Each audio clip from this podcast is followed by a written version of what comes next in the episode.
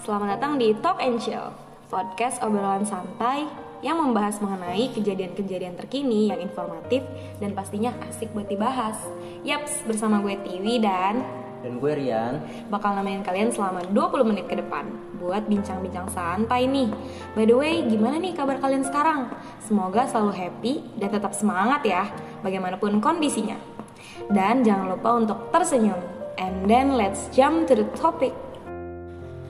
Seperti yang kita tahu, beberapa bulan belakangan ini seluruh dunia sedang berjuang menghadapi COVID-19 yang meruntuhkan sistem ekonomi dunia.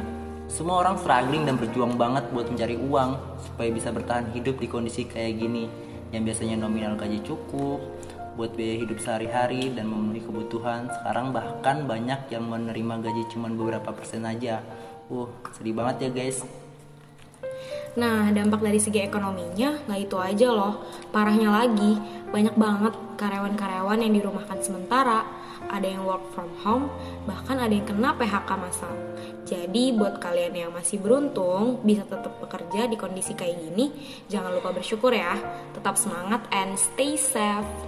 Sesuai dengan tema kita malam ini yang bertajuk Bangkit dan Dampak COVID-19, gue juga bakal undang seorang narasumber yang terkena imbas dari COVID-19 nih gengs. Gimana cara dia survive dan bangkit setelah kena PHK massal. Oke, kita langsung panggil aja kalian narasumbernya biar gak banyak basa-basi lagi. Oke, please welcome Taufik Ardiansyah. Halo Taufik, apa kabar nih? Alhamdulillah baik. Alhamdulillah ya, sekarang lagi sibuk apaan Pik? Kalau gua sekarang le- semenjak di PHK lebih ke jualan pulsa sama ngelamar-ngelamar online aja gitu karena kan masih ada PSBB nih. Jadi gua nggak bisa ngelamar langsung ke perusahaannya, harus lewat email. Oh, jadi gitu ya. Terus kalau misalnya ini tuh posisinya lu tuh di eh, ada itu dirumahkan dulu atau langsung kayak lu udah di cut aja gitu dari perusahaan itu? Kalau gua semenjak datangnya si corona ke Indonesia kan tuh kalau nggak salah datang pertengahan eh awal Maret ya kalau nggak salah ya. Iya. Nah pas awal Maret itu di pertengahan bos gua bilang ke di bawah yang 4 tahun tuh bilang kalau sebenarnya perusahaan kami itu udah nggak bisa ngirim ke beberapa eh, perusahaan lain. Nah otomatis nggak ada penghasilan dong si perusahaan. Habis itu diomongin deh tuh yang di bawah 4 tahun langsung dikat aja katanya. Karena ya mau gimana lagi perusahaan juga lagi ngedown nggak bisa ngasih gaji. Jadi mau nggak mau ya harus seperti itu. Emang bener lagi lagi surut banget sih Iya, ya lagi masalah gara-gara corona kayak gini nih. Kira-kira berapa orang tuh Pik yang kena PHK tuh? yang kena PHK yang di bawah 4 tahun itu kalau nggak salah sekitar 60 orang Oh, banyak juga ya. Lu awalnya selama kerja di situ tinggal di mana Pik?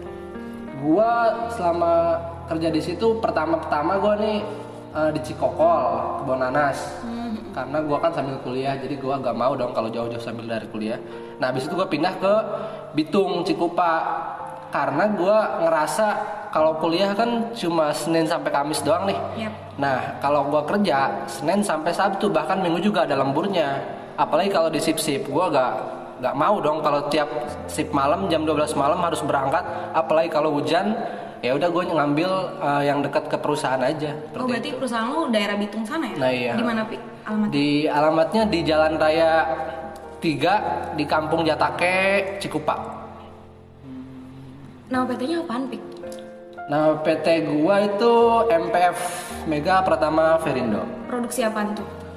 Steel, jadi dia itu baja dan besi. Dia itu cuma eh, apa ngebikin baut seperti itu yang kecil-kecil. Hmm. Lu bagian apa waktu itu?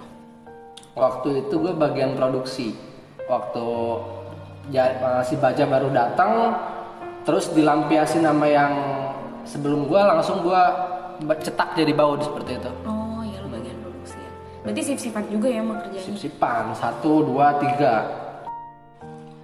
Nah tadi kan lu cerita di PHK tuh dari pertengahan Maret ya Pik ya. Berarti udah beberapa bulan ke sini dong.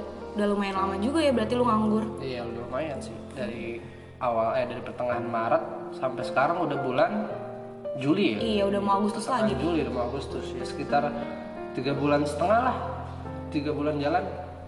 Berarti fokus jualan pulsa aja tuh di rumah. Iya gue sambil ngelamar-ngelamar cuma via online doang gitu karena masih ada PSBB. jadi boro-boro gue mau ke Tangerang ke Pandeglang aja gue harus pakai surat izin eh, kesehatan lah. Karena bayar rapid iya. rapid test gitu ya. Bayar juga 150 ribu sekali tes. Terus yang kedua gue harus pakai masker.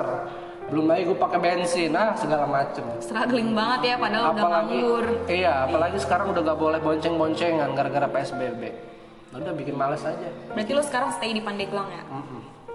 terus eh, sekarang situasi di Pandeglang tuh gimana sih setelah eh, ada PSBB kita di work from home terus apa maksudnya apa sih jadi aktivitasnya apa gitu sekarang lu tuh Selama corona ini. selama corona ini Nah, jadi kan kalau sebenarnya ke Pandeglang itu nggak seketat di Tangerang ya.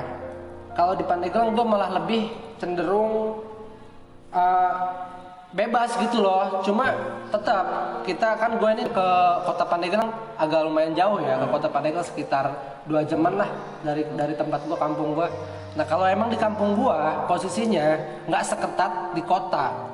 Kalau di kota lu harus pakai masker keluar, terus juga nggak boleh bonceng-bonceng segala macem. Kalau di tempat gua masih ya udah masih free aja gitu loh. Jadi seakan-akan emang corona tuh cuma omongan belaka itu. Emang faktanya di tempat gue emang belum kedengaran ada yang kena dampak corona seperti itu.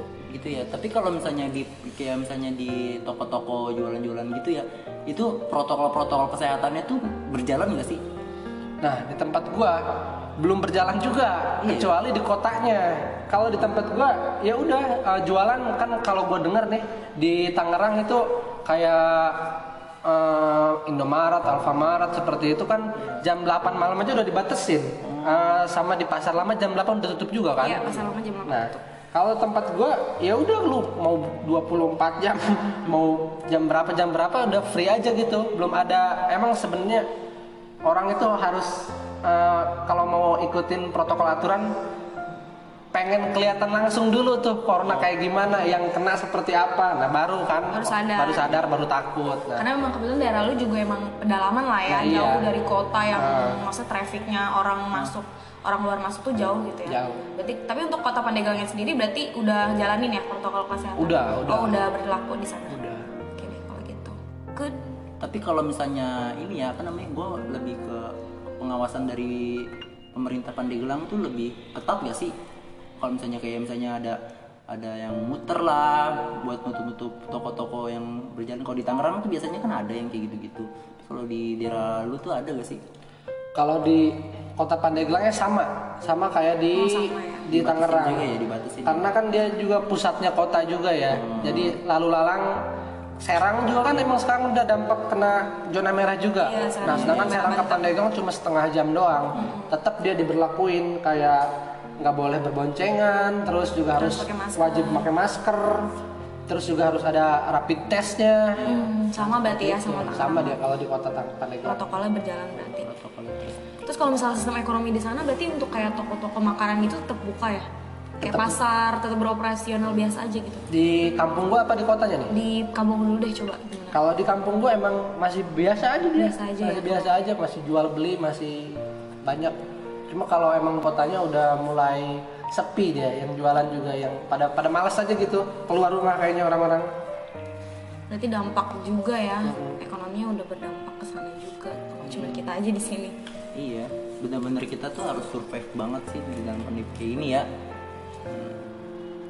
Terus untuk eh, lu sendiri gimana kan jualan pulsa aja nih. Pasti lu ngerasa beda banget dong dari yang kemarin kerja megang uang ya UMR lah megang. Terus sekarang lu kayak cuman jualan pulsa aja pasti struggling banget kan? Iya. gue juga ya sama. Gue kalau di Tangerang kan namanya uang-uang sendiri, terus juga ada pegangan. Gue tiap makan juga enak mulu. Tapi gue semenjak gue di Pandeglang di tempat gue lahir, gue makan ya udah ada seadanya aja. Seadanya udah alhamdulillah Ah, banget udah ya. alhamdulillah. Ya mau gimana kerja juga kagak kan, penghasilan juga kagak ada. Bahkan gue dua duit aja cuma megang pesangonan dari perusahaan gue doang. Udah udah itu doang. Gak megang gak megang duit lagi kecuali duit pulsa ya berapa lah pulsa paling penghasilan pulsa nggak nggak seberapa Jauh lah ya Ah, sama jauh. penghasilan kemarin. Ah. Cuma untuk eh, pulsa lo jualan gitu di sana kan di kampung tuh ya, maksudnya daerah lu kan kampung. Tapi tetap ada yang beli tuh, maksudnya ada aja gitu yang beli. Ya, justru kalau di tempat gua malah lebih ke pulsa yang paket data lah intinya. Orang-orang kan kebanyakan sekarang di rumah. Jadi ya mau gak mau yang dipegang otomatis paling handphone Iya, dari mulai anak ya. kecil. ha. Iya, paket lebih- data. sekarang tuh kalau yang gue lihat-lihat tuh kan e-commerce tuh lebih lagi naik banget ya kan Hmm, betul. semenjak ada pandemi kayak gini tuh lebih lebih berjaya Semua orang beli online apa-apa tuh Iya, apa-apa online. online, Berarti ke sana juga ya, maksudnya sampai Iya, ke kampung sampai juga ya kampung. budaya kayak gitu. Nah sekarang kan lo lagi ada di Tangerang nih ya. Hmm. Berarti dari Pandeglang kan lo OTW. Terus sepanjang perjalanan dari Pandeglang ke sini gimana nih PSBB? Kondisinya. Kalau sekarang udah kan dulu waktu sebelum uh, sebelum ada new normal nih banyak pos-pos ya. Dia diberhentiin dulu, dites dulu suhunya berapa.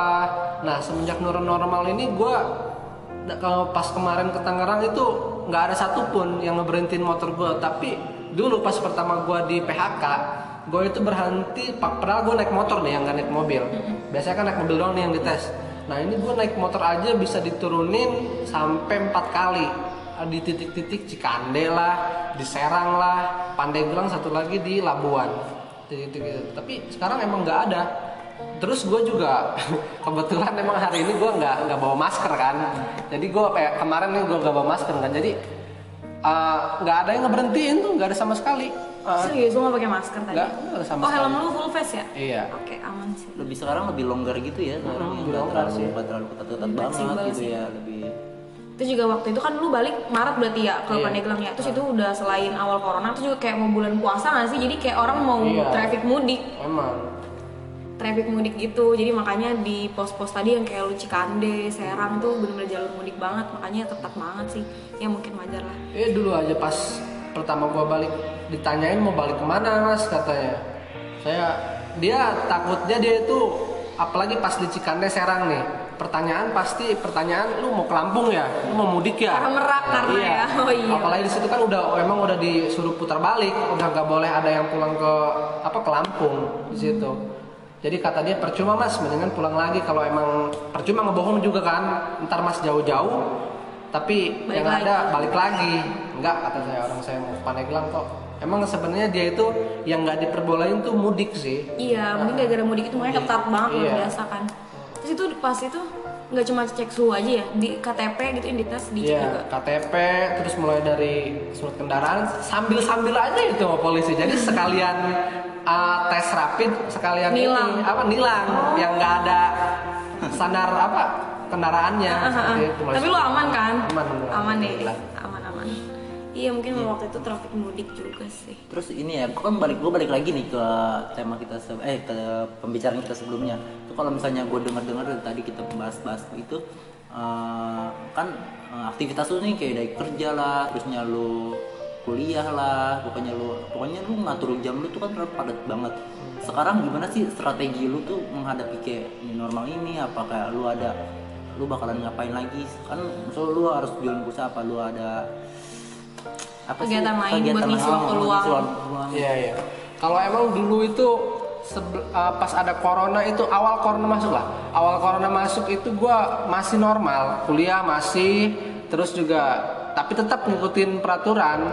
Tapi semenjak sekarang uh, gua malah lebih ke uh, namanya juga nggak kerja ya. Gue tiap harinya buka laptop buat apa namanya? Buat searching uh, lowongan perusahaan, terus juga buat kuliah online juga kan. Tapi gue lebih seringnya emang tiap bangun tidur nih, gue malah lebih ke main Mobile Legend. Kemarin aja gue turnamen Mobile Legend nih, tapi emang kan Mobile Legend sekarang udah merebak ke mana-mana nih, Iya, meskipun ada corona lah ya, ada corona.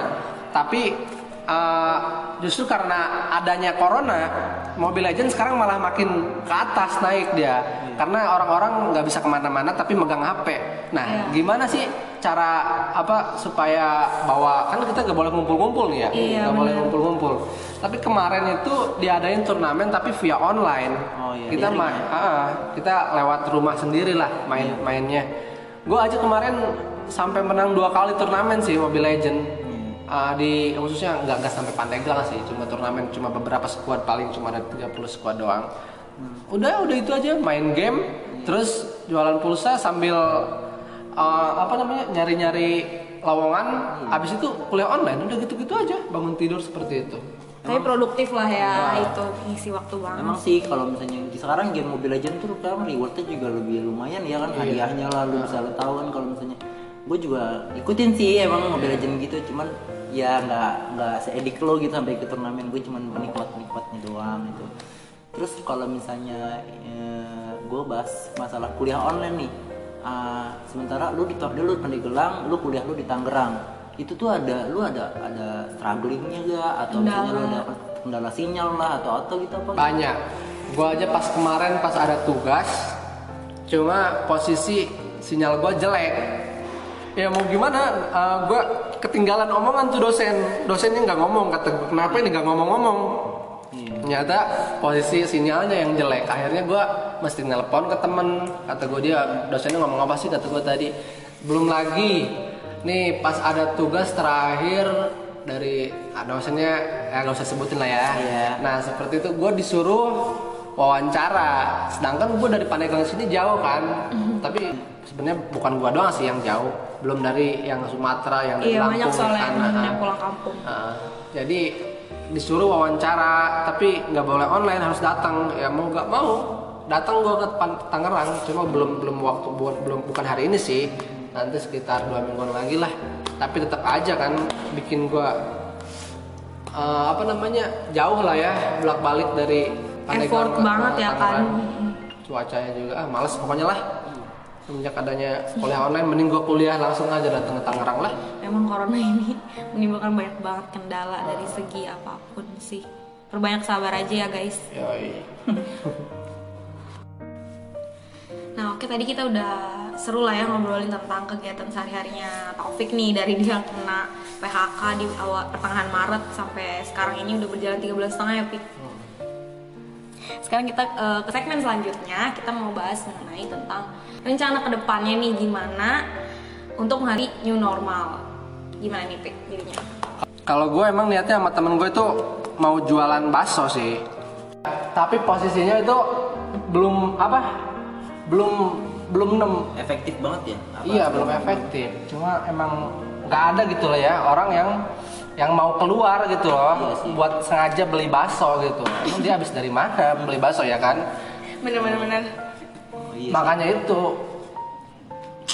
semenjak uh, apa namanya semenjak justru malah semenjak adanya corona, gue kan sering main game tuh. Iya. Nah gue malah sama temen gue pik gimana kalau kita ngadain YouTube aja gitu loh. Lu record aja di YouTube gitu, iseng-iseng aja sambil di Facebook live streaming gitu ya kan. Iya. Kan lumayan tuh kalau emang ada yang ngeliat kan lu dapat duit juga di situ tuh. Iya.